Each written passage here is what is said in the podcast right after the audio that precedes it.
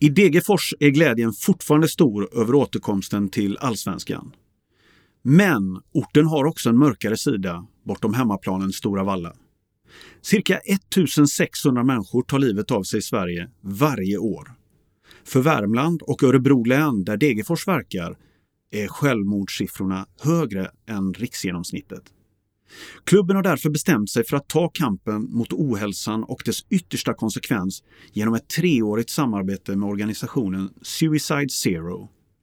I det här avsnittet berättar initiativtagaren Viktor Lundmark om varför Degerfors IF har valt att engagera sig i frågan. Vi pratar också med landslagsspelaren Anna Oskarsson som drabbades av psykisk ohälsa när livet utåt sett såg närmast perfekt ut.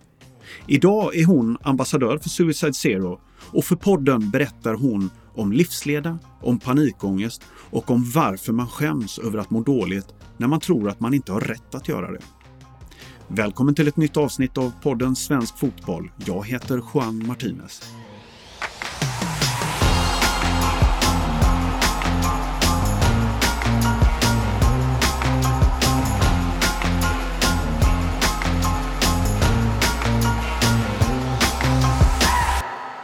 Då välkomnar vi Viktor Lundmark, Degerfors IF, till podden Svensk Fotboll. Välkommen Viktor! Tack så mycket! Kul att ha dig här! Du, eh, vi går rakt på sak Viktor. Vad är Suicide Zero och eh, hur ser Degerfors IFs samarbete ut med Suicide Zero? Suicide Zero är en eh, ideell organisation som jobbar med att eh, upplysa, att eh, skriva debattartiklar och så vidare om eh, psykisk ohälsa och framförallt självmord. Eh, de jobbar mot en nollvision eh, och vill då kraftigt minska antalet självmord i samhället. Och det är ju inte en slump att, eh, att Degerfors kanske har valt det här som ett sätt att engagera sig i samhället. Det, det, det finns orsaker till det. Berätta Viktor, hur, hur ser det ut den här, det ämnet när det gäller den region där ni är verksamma? Degerfors, vi är ju något mellanting mellan Värmland och Närke. Vi tillhör Värmland som landskap, vi är Örebro län. Eh, och i den här delen av Sverige, framför allt uppe i Värmland och i eh, orterna runt omkring och även i Degerfors, så är självmordstalen höga jämfört med Sverige i stort. Eh, jag tänkte själv, kanske fördomsfullt, att det är framförallt uppe i Norrland. Det är väl kanske den, den bilden många har. I alla fall var det den bilden jag hade. Och det, de orterna långt upp i norr, de finns med också högt upp på de här listorna. Men, men det är mycket Värmland. Eh, jag såg någon lista, den är några år gammal, men det är alltså antal självmord per tusen invånare eller något sånt där. Och där ligger alltså Karlskoga, eh, vår grann, grannkommun, låg 25 kanske av alla kommuner i Sverige och Degerfors någonstans 45 något sånt där av vad är det, 290 kommuner tror jag totalt. Så det, det, det är högt. Det är en fråga som är relevant i hela samhället, men kanske allra mest akut, om jag får uttrycka mig så, i den region där, eh, där vi är verksamma. Du, Viktor, hur kom du i kontakt med Suicide Zero? Vad, vad, vad hände?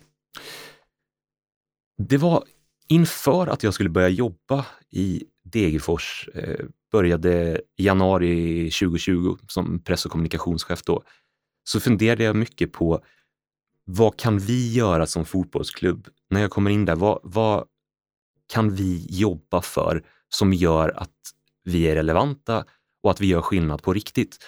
Och då finns det ju ett antal, om man säger aktuella frågor, miljöfrågan till exempel, är en sån.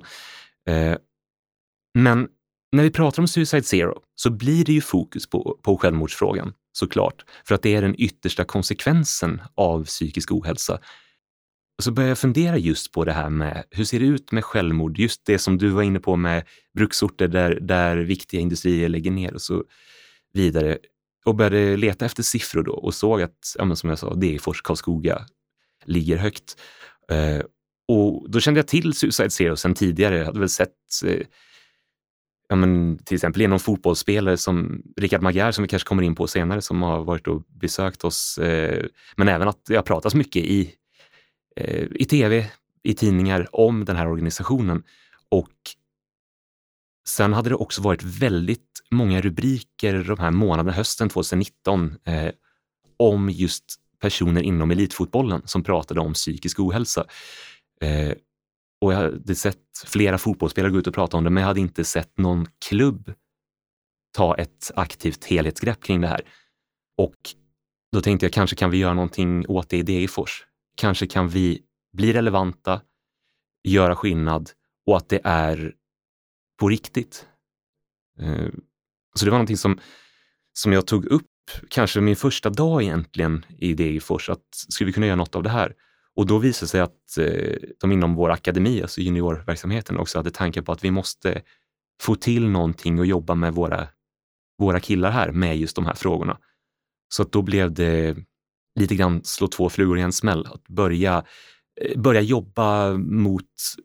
Eh, vi fick någon sorts riktning där eh, i klubben. Och sen så kontaktade jag Suicide Zero via mail och berättade att här har vi funderingar på, skulle man kunna göra ett samarbete, kanske att vi hjälper till att sprida ert budskap, att ni kan hjälpa oss med information, att vi, att vi har någon form av samarbete. Så, så började vi diskutera det här, kom i kontakt med Suicide Zero i Värmland där de då har ett kontor. Och sen var jag i Stockholm och skrev på, vårt, på deras huvudkontor, då, skrev på vårt samarbetsavtal. Eh, precis, precis i de första dagarna av den svenska coronakrisen, mm, mm. Eh, vilket, vilket eh, kanske blir relevant för resten av det här samtalet. Men, men det var precis när man började prata om det i Sverige med coronapandemi, eh, då signerade vi ett avtal med att nu ska vi uträtta stordåd Suicide Zero Day for CF. Jag tänkte på det, just det. Och ni skrev ett treårsavtal och eh, det blev ju ingen vidare start eh, med tanke på det du berättar där. Men ni har ändå gjort en del saker under året. Vad har ni, vad, hur har ni kunnat jobba med frågan trots, trots pandemin? Till att börja med, bara att vi lyfte frågan och om man säger konceptualiserade den på så sätt att, som jag sa, att en fotbollsklubb tar ett helhetsgrepp kring det här. Bara det fick ju spridning då, för det var intressant. Det kom ut på stora, eh, en av de stora fotbollssajterna då och fick mycket spridning i sociala medier. Och redan där så har vi gjort lite skillnad för att folk får upp ögonen för organisationen och kan engagera sig, kan eh, eh, söka information på ett annat sätt, kanske att de får kontakt med det genom fotbollen. Eh, men också eh, genom att man ser det eh, på, på vår hemsida. Alltså vi, vi, gjorde, vi gick ut med det här pressmeddelandet då som fick spridning. Eh, vi gjorde en flik till vår hemsida så att det står på startsidan. Det finns liksom nyheter, butik, eh, press och så finns det Suicide Zero som en, en av de första flikarna så att det alltid ska vara närvarande, att namnet alltid är med. Så det är ju en sak som vi gjorde från början, att vi bidrog till att få ut namnet på den här organisationen och fick eh, fotbollsfolket att få upp ögonen för det på ett annat sätt kanske. Eh, sen fortsatt, precis i början där innan vi hade kommit igång med samarbetet ordentligt, så när vi hade börjat diskutera det, då hade vi ju Rickard Magyar, då, eh, som är eh, ambassadör för Suicide Zero. Vi hade honom på plats i Degerfors, för det var ju innan det var coronapandemi, föreläste för våra akademilag om just det här med psykisk ohälsa, machokultur i omklädningsrum och, och så vidare. Då. Mm. Hur upplever du att frågan lever i föreningen idag? Är den, är den tydligare idag? Finns den som en, som en naturlig del av er verksamhet? Att... Det är lite svårt för mig att jämföra i och med att jag har inget inget före här mm. eftersom mm. vi började med det här nästan precis när jag började i föreningen. Eh, men så som jag ser att frågan utvecklats under det här året så tycker jag att det blir mer och mer tydligt att det här är en gemensam riktning som vi rör oss åt. Sen ska sägas, det vill jag vara tydlig med att 2020 var stökigt på alla sätt och det var det för alla i samhället. Men eh, för oss var det ju först frågor som, kommer vi ens få spela fotboll i år?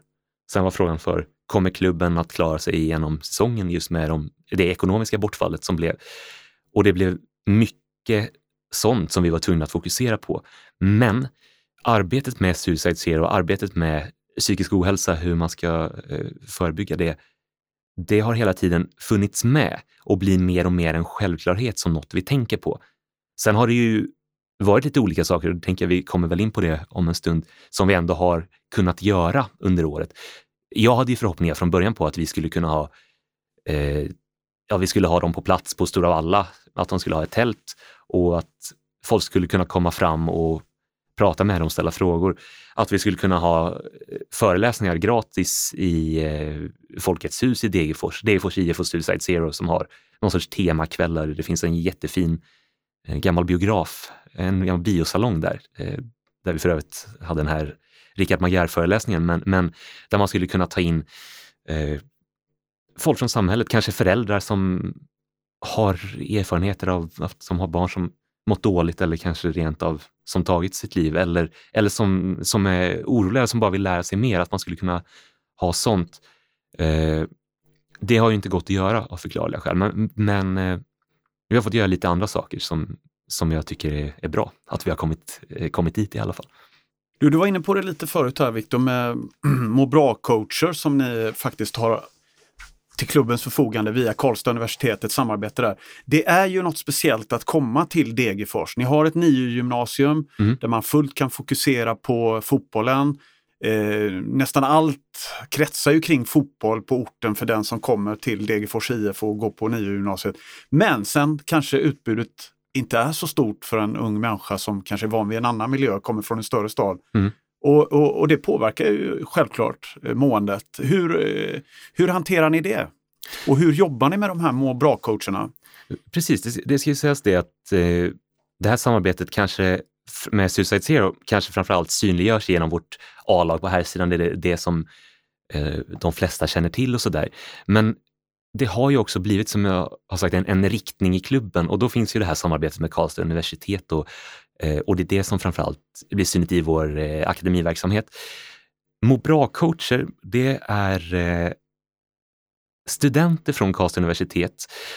Jag ska kolla här på så att jag säger rätt program. Alltså de som läser idrottsvetenskap. Vi har en som har inriktning där idrotts och hälsocoach. Han heter Emil Norman och en som kommer fortsätta även 2021 och jobba med vår akademi. Då.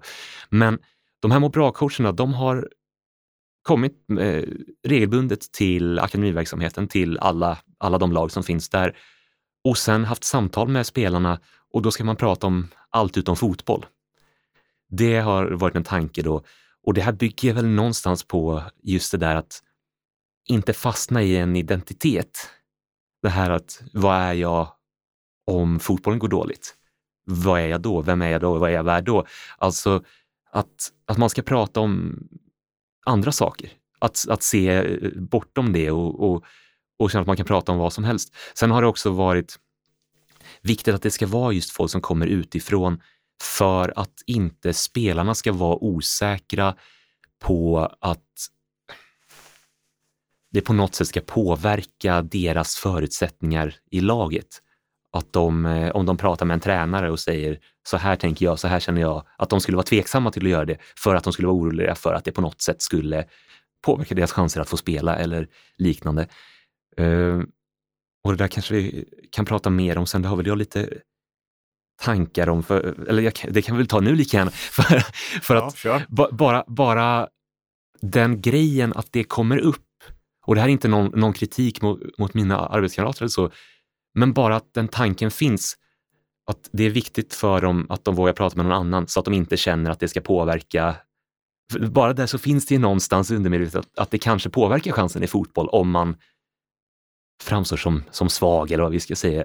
Eh, och där tror jag att man får fundera lite grann på vad, vad är det för kultur? Och det här menar jag inte är någonting just i Degerfors IF, utan jag tror att det ser ut så här i fotboll på någon sorts elitnivå, att det finns, eller elitidrott i stort, att det finns en rädsla inför de som bestämmer, alltså inför coacher, eh, tränare, att eh, man inte får framstå som, som svag. Att det är farligt att på något sätt må dåligt. Eh, men det, det, är ett sidospår, det där är kanske lite komplicerat. Jag tänker också på det här Viktor, att, att, äh, att komma till Degerfors ja. som är en liten ort. Ni marknadsför ju klubben som, äh, och orten får man säga som att jag läste en intervju med er akademichef som tyckte att det är nästan en fördel att komma till en sån här liten stad där det är lite tråkigt. För mm. att man kan helt fokusera på fotbollen. Att det kanske är det som är eran då payoff, eller man säger. Att ja. kom hit, för här kan du inte bli störd av andra grejer som finns i storstan till exempel. Men det, det kan ju även påverka mentalt negativt att komma till en liten ort när man inte är van att fylla sin fritid med Eh, där man kanske kommer från en storstad där det finns ett kulturutbud eller mm. eh, bio och nöje på ett annat sätt. Och så kommer du då till en stad med 7-8 tusen invånare mm. där, där det inte finns längre. Och så ska du någonstans fylla den här tiden när det inte är fotboll. Och, och, och där kan det uppstå grubblerier har jag förstått hos många unga människor. Vad gör man? Ja, vad, ja, vad gör man? Det en diskussion för att eh, arbeta med just den där frågan. Det är att eh, just inom akademin då så finns det planer på att ha någon sorts faddermorföräldrar nu inför 2021. Att de som just kommer utifrån till, till eh, gymnasiet, att de ska kunna ha eh, en, en gubbe till exempel och ett tant. Vi har ju vår pensionärspool eh, som eh, pensionärer som jobbar ideellt eh, med klippa gräs, eh, snickra ihop en kiosk, alltså sådana där grejer i föreningen. Och att man till exempel där kan hitta människor som kan finnas till för de här unga fotbollsspelarna som kommer till gymnasiet utifrån. Eh, det här är vad jag förstår fortfarande någonting som är under uppbyggnad, men det finns konkreta planer på det. Och jag tycker personligen att det låter som en väldigt bra idé. Känns som att du släppte en nyhet nu, Viktor. Ja, precis. Ja, så, så Ja men exakt, kommer man till fotbollsgymnasiet Degerfors så kan man få en extra morfar alltså under eh, 2021. Ja, men det, jag pratade just med vår akademichef Peter Palmqvist. Eh, det var han som, som berättade det här att det är någonting som det finns konkreta planer på. Och, och vi har ju, ja, det är många snälla gubbar i den där pensionärspoolen. Så, så, eh, så det är ett sätt att hitta att det finns någon, och det blir också någon som man kanske inte nödvändigtvis behöver prata fotboll med och som finns, finns där för en. Jag tänker att vi ska faktiskt höra med en av Suicide Zeros ambassadörer hur, eh, hur de jobbar och eh, hur man frontar frågan utåt. Eh, och det är Anna Oskarsson som är i, elitspelare i Eskilstuna United. och vi släpper in henne i samtalet för att höra hur hon jobbar med frågan. Då välkomnar vi Anna Oskarsson till eh, podden Svensk Fotboll. Välkommen Anna! Tack så mycket! Du är fotbollsspelare, eh, Eskilstuna United, eh, 24 år gammal nu, men du har en ganska lång elitkarriär bakom dig. Eh, hur kom du i kontakt med Suicide Zero? Um, ja, men det var väl under 2019 eh, som jag läste en artikel om, eh, om Rickard Magyar och hans eh, psykiska ohälsa och hans engagemang i Suicide Zero. Och, eh, under det här året så hade jag börjat hämta mig från min psykiska ohälsa och hade tänkt und, tidigare under året att jag, att jag gärna vill engagera mig i, eh, i den här frågan för att det är någonting jag verkligen brinner för. Um, och när jag läste den artikeln blev jag väldigt rörd och kände att det fanns uh, slående likheter um, mellan det han, det han beskrev i artikeln och så som jag hade känt och mått. Nu, nu blir jag lite nyfiken. Hur, vad var det för slående likheter?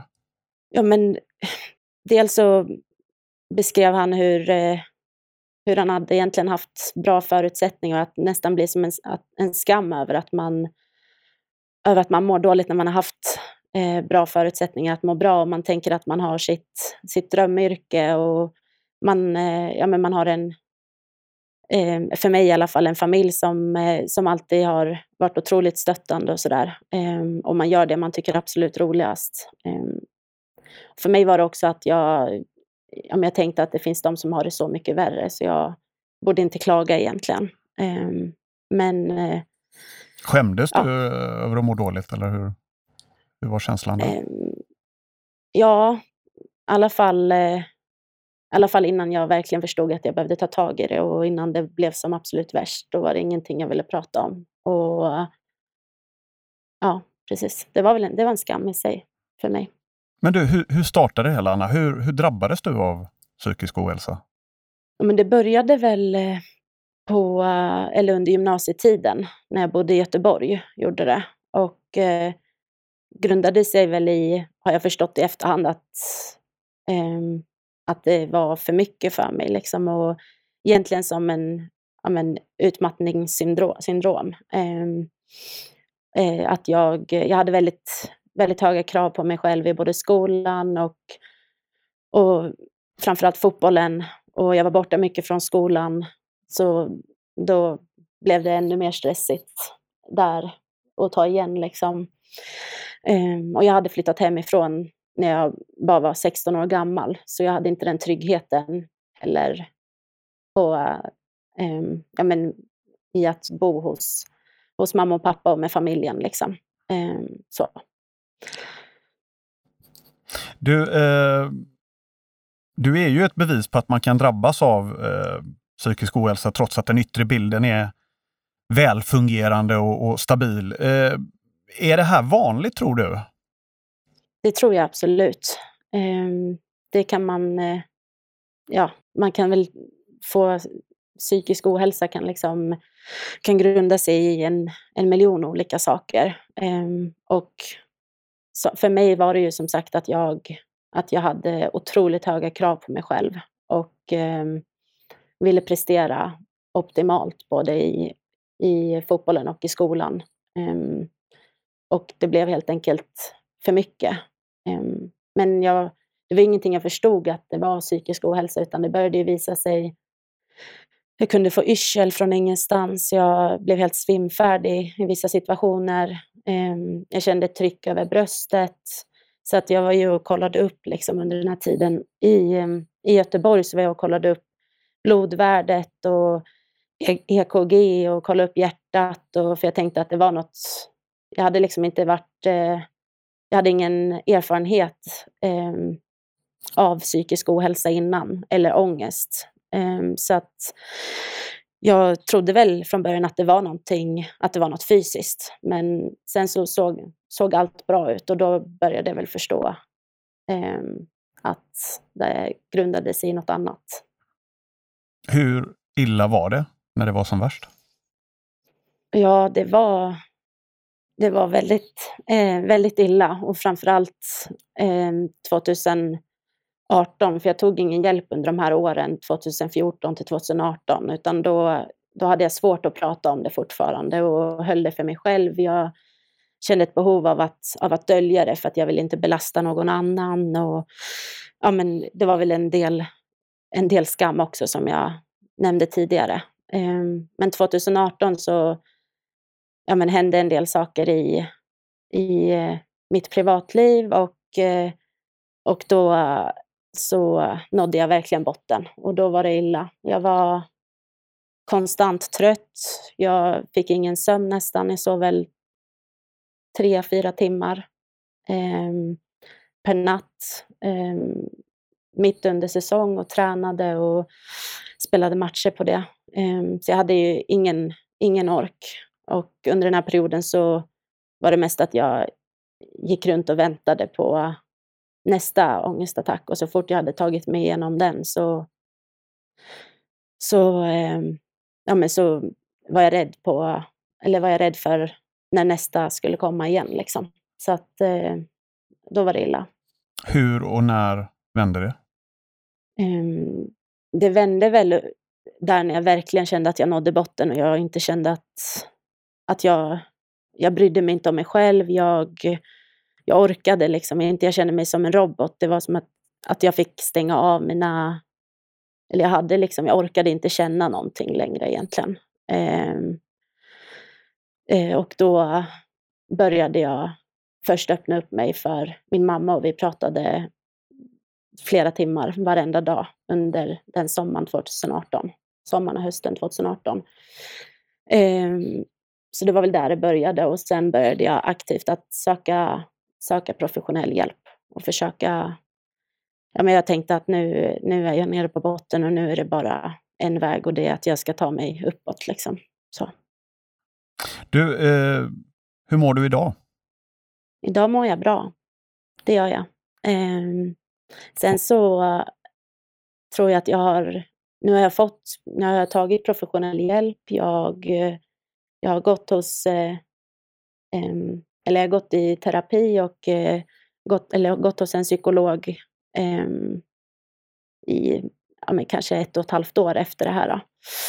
Eh, så att jag känner att jag har fått verkligen verktyg att, att jobba med ifall, ifall ångesten kommer tillbaka. Och nu, nu är det inte så ofta längre, eller just nu. Så att det är kanske en dag i månaden istället för fem dagar i månaden, så att, eller fem dagar i veckan. Så att eh, nej, jag mår bra. Hur är din bild, Anna, av fotbollens förhållande till psykisk ohälsa? Är det tyst? Pratas det om det? Finns det stöd? Hur ser du på det? Eh, min bild är att det har varit tyst alldeles för länge om det.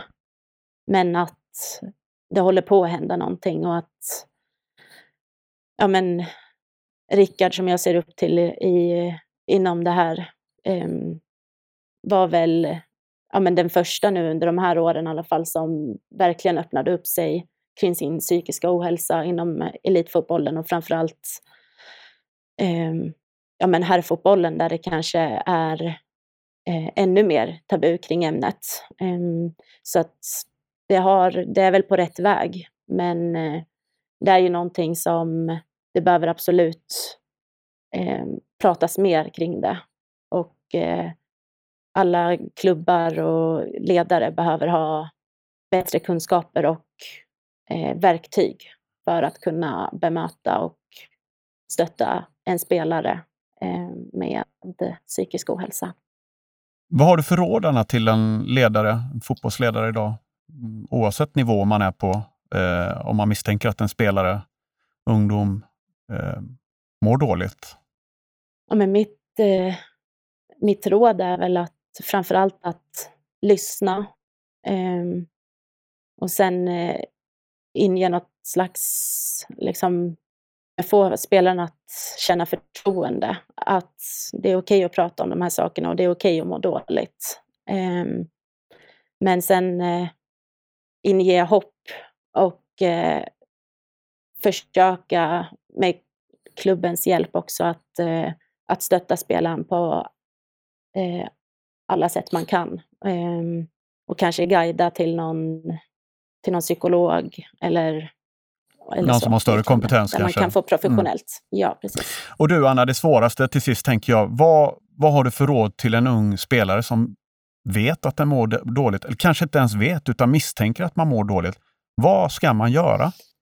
Det första jag tycker man ska göra, eh, det är att berätta för en vuxen som eh, ja, men som man har förtroende, förtroende för. Ehm, och våga, våga öppna upp sig för att det känns, även om det är svårt att sätta ord på vad man känner eller hur man mår, så, så känns det nästan alltid, eller känns det, gjorde det, det gjorde det betydligt bättre för mig. Och det var en slags lättnad att, att kunna börja prata med min mamma till exempel om de här sakerna.